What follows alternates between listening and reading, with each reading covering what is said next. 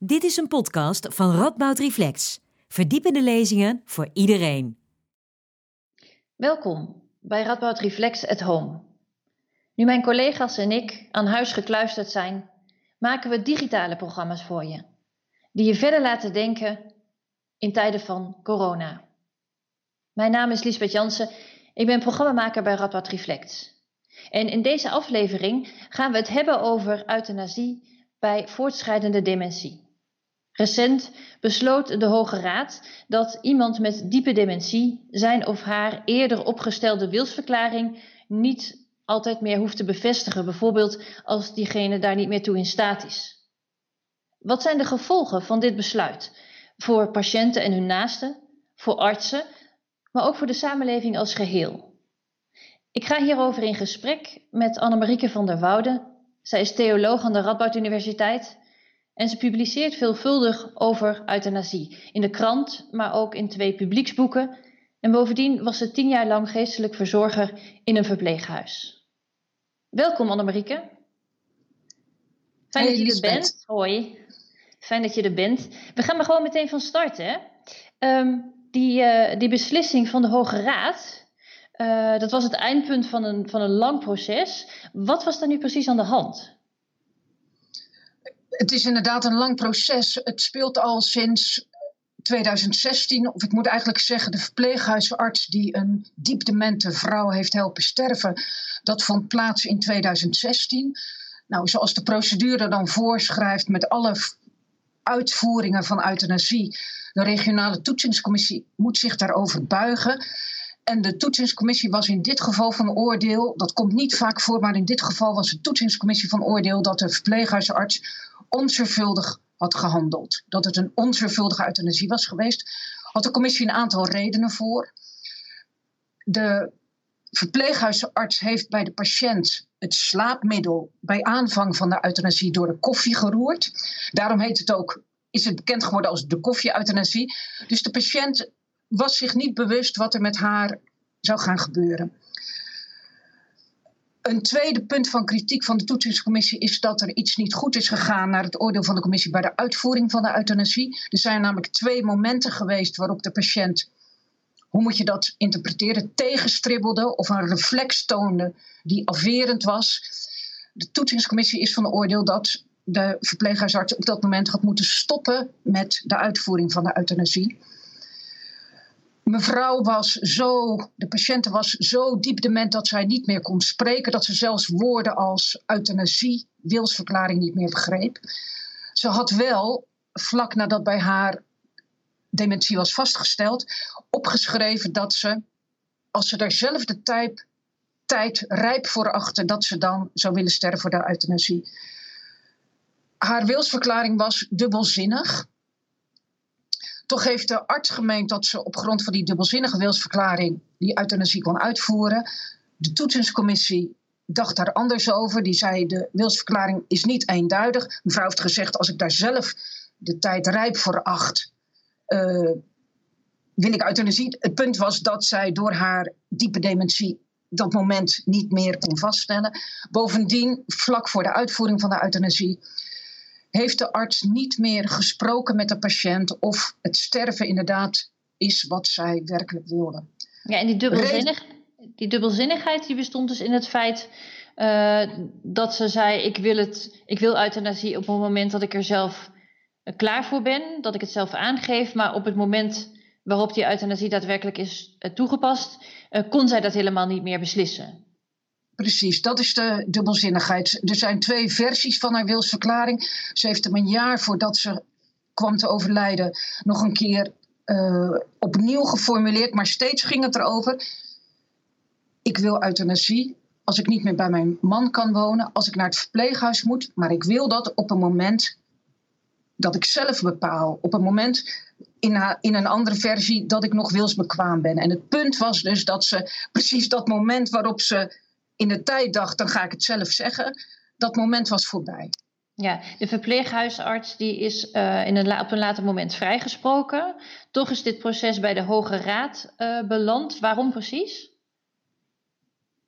Ja, er is, uh, als je erop terugkijkt, is de, de, deze casus heeft een onwaarschijnlijke gang gemaakt langs allerlei instanties die hun mening daarover hebben uitgesproken. Toetsingscommissie zei onzorgvuldig.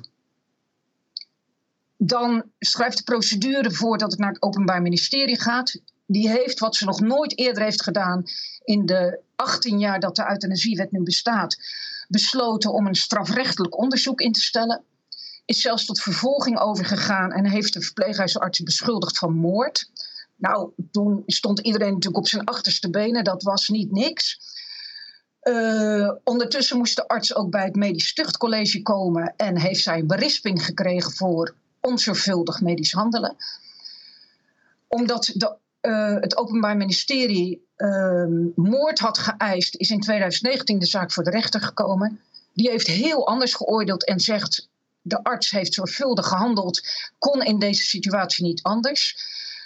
Ehm, het OM was daar heel ongelukkig mee, want die hadden gezegd moord zonder strafoplegging. En heeft, het OM heeft toen besloten om niet in hoger beroep te gaan, maar om het voor te leggen aan de Hoge Raad, zodat in een bijzondere procedure die geen gevolgen meer heeft voor de arts, die is vrijgesproken, maar de, maar het Openbaar Ministerie wil helderheid over de uitleg van de wet.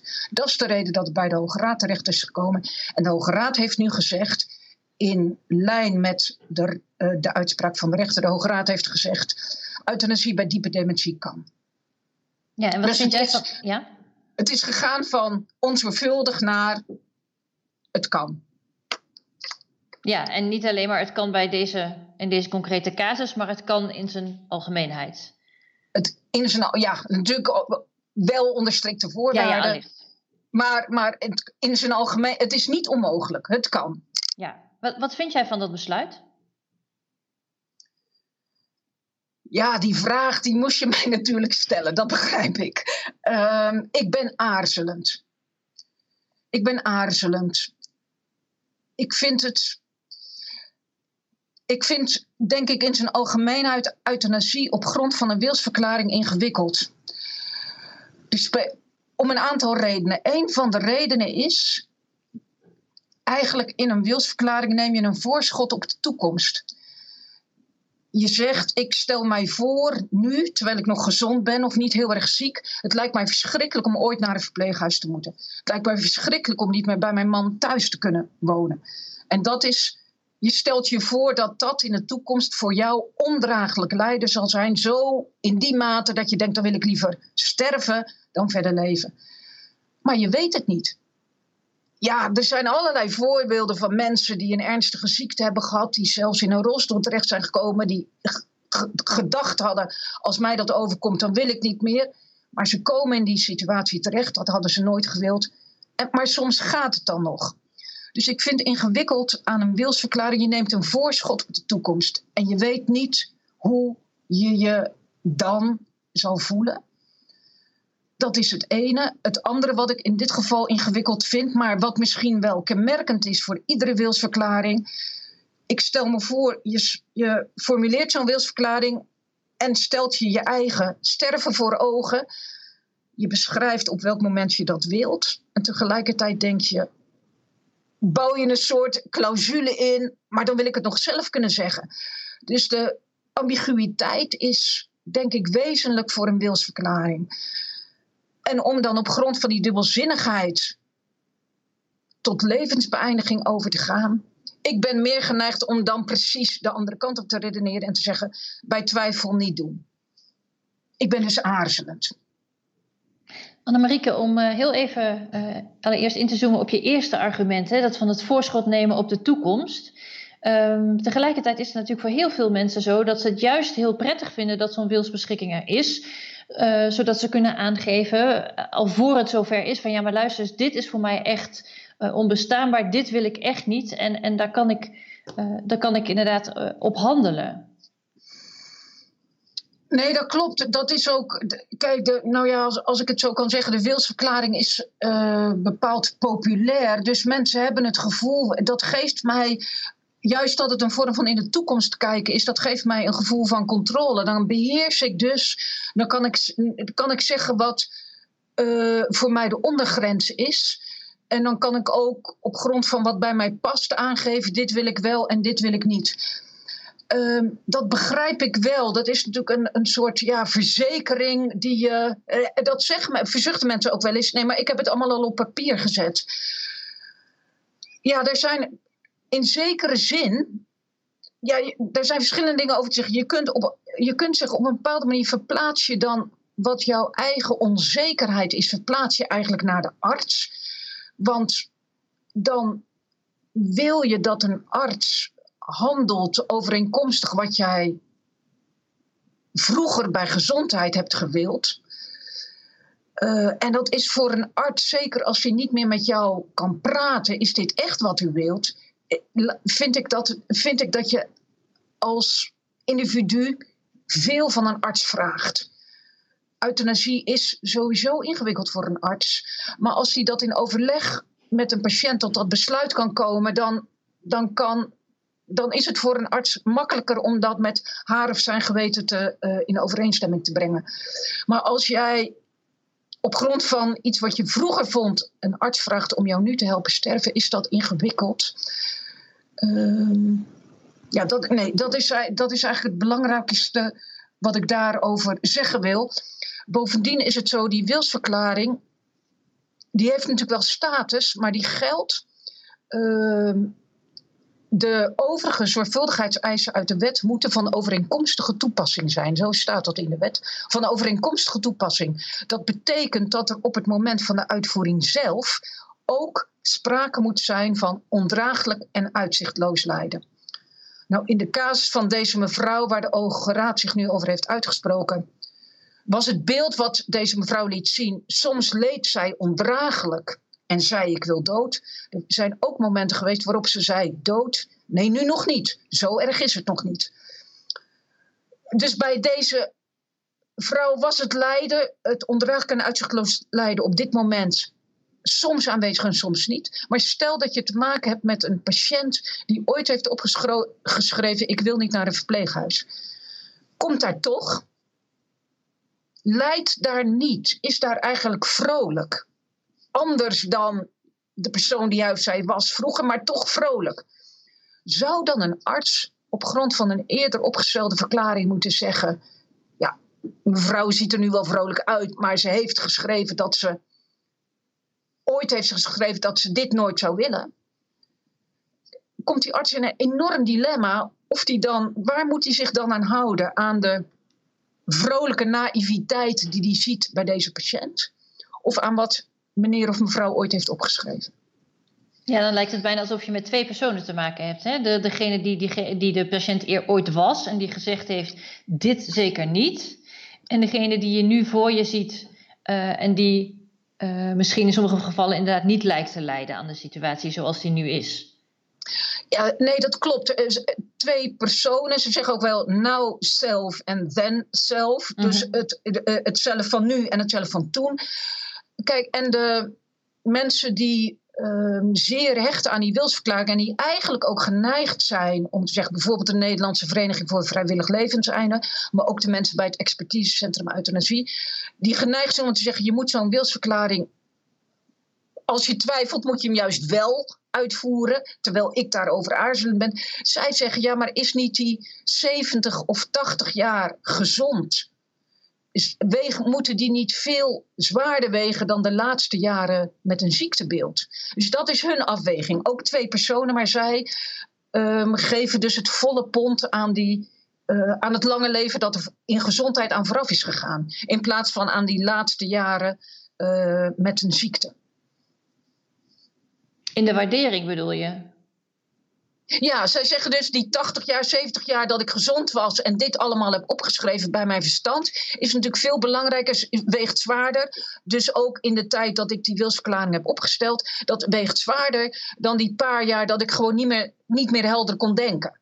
Okay. Dus hecht, hecht aan mijn wilsverklaring. Dat is, dat is wat de voorstanders uh, en ook de mensen die nu blij zijn met het besluit van de Hoge Raad, dat is wat zij zeggen. Je moet aan dat oude zelf, dat veel langer heeft geleefd, meer gewicht hechten dan aan het nieuwe zelf, dat misschien nu wel vrolijk is, maar toch niet meer. Uh, de oude is, ja. de oude is. Ja, maar, maar niet, meer, niet meer is zoals ik was. Ja, maar, maar stel als je inderdaad zou zeggen, goh, euthanasie bij diepe dementie kan niet. Wat heb je dan überhaupt nog aan zo'n wilsverklaring?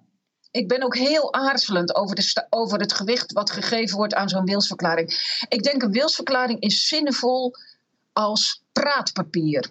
Ja, is ook, dat ontleen ik aan iemand anders die, die zegt het is geen kluisdocument.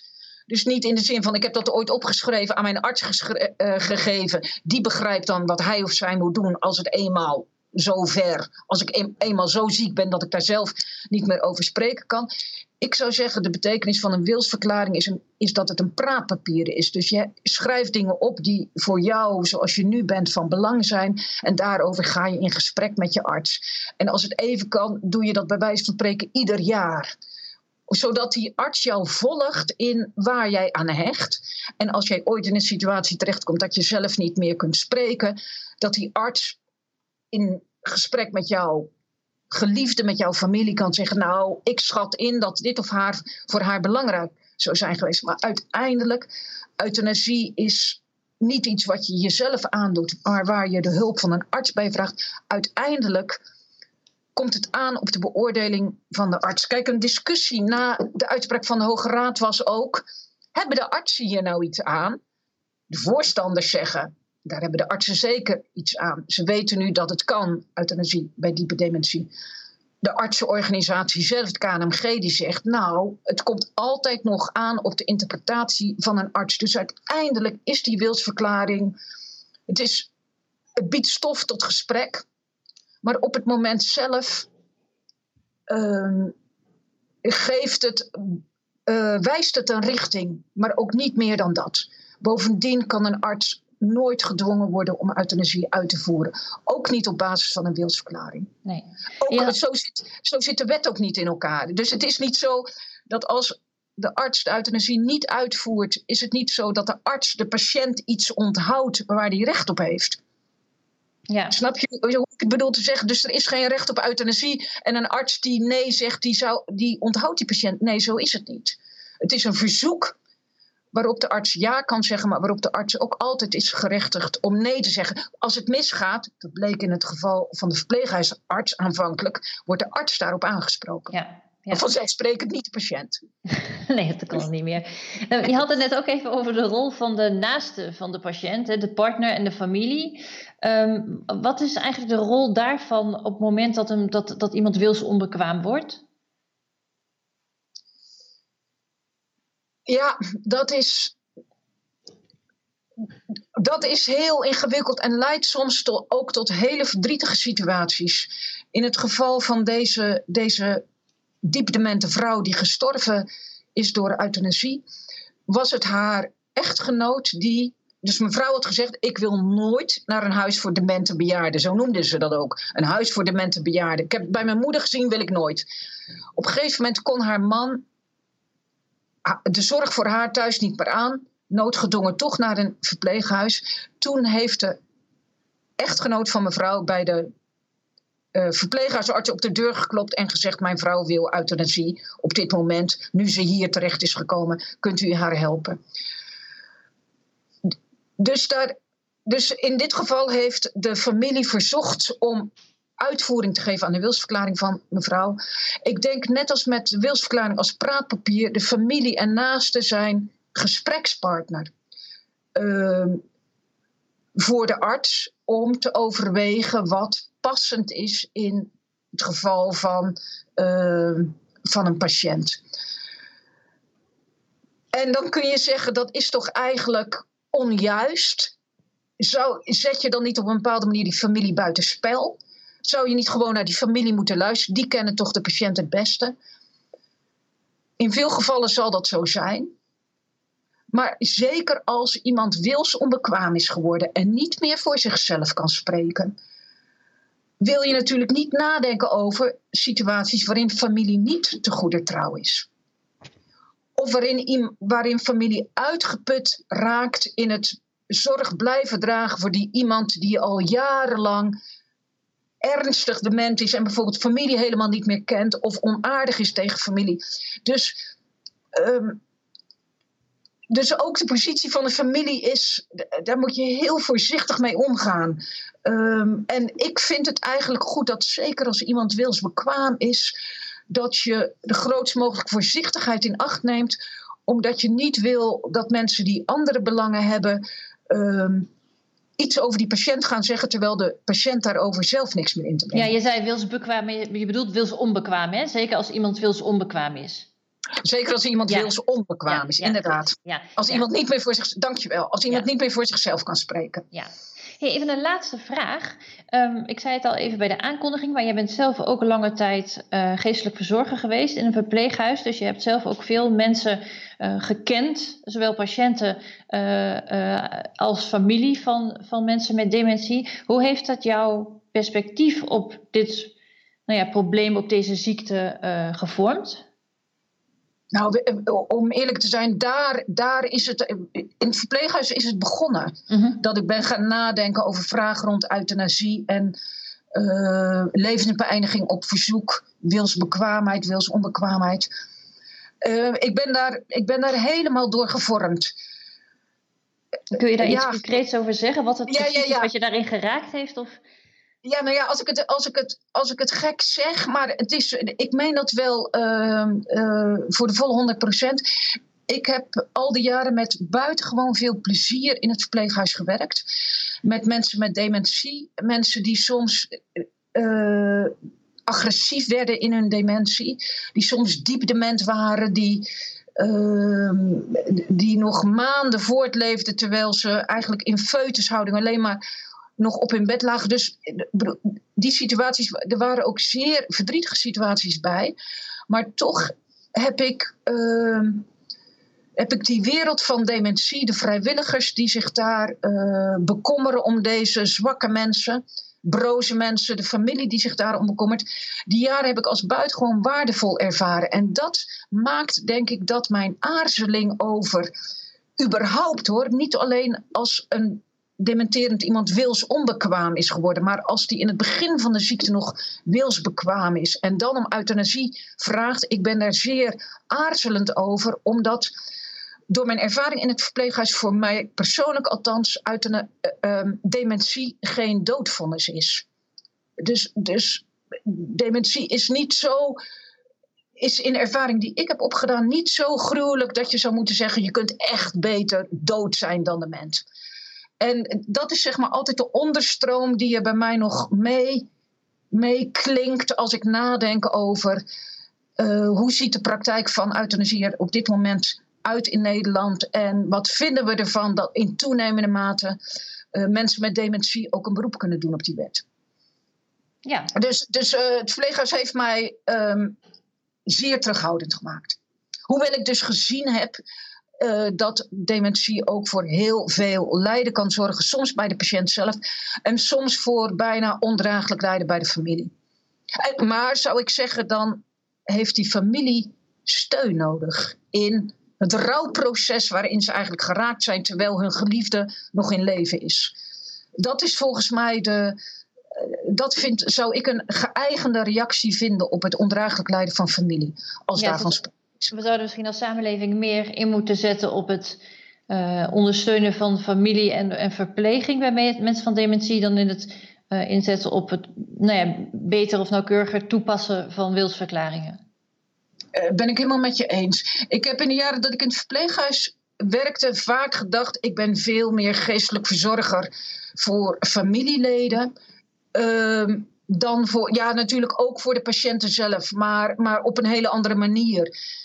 Uh, maar voor de familieleden ben ik werkelijk gesprekspartner. Dus ik ben dat helemaal met je eens dat we eigenlijk daar, dat we dat, of minstens ook het gesprek in de samenleving moeten voeren. Hoe kunnen we familieleden naast ondersteunen in de, uh, in de grote en ook uh, grote belasting en de zware zorg die zij moeten leveren aan, aan iemand van wie ze houden en die steeds meer dement aan het raken is.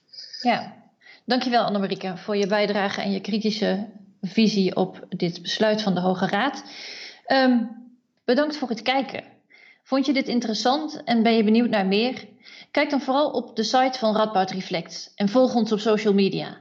Daar vind je alle informatie over de verdiepende lezingen van Radboud Reflect. En onze online programma's vind je onder At Home. Graag tot een volgende keer.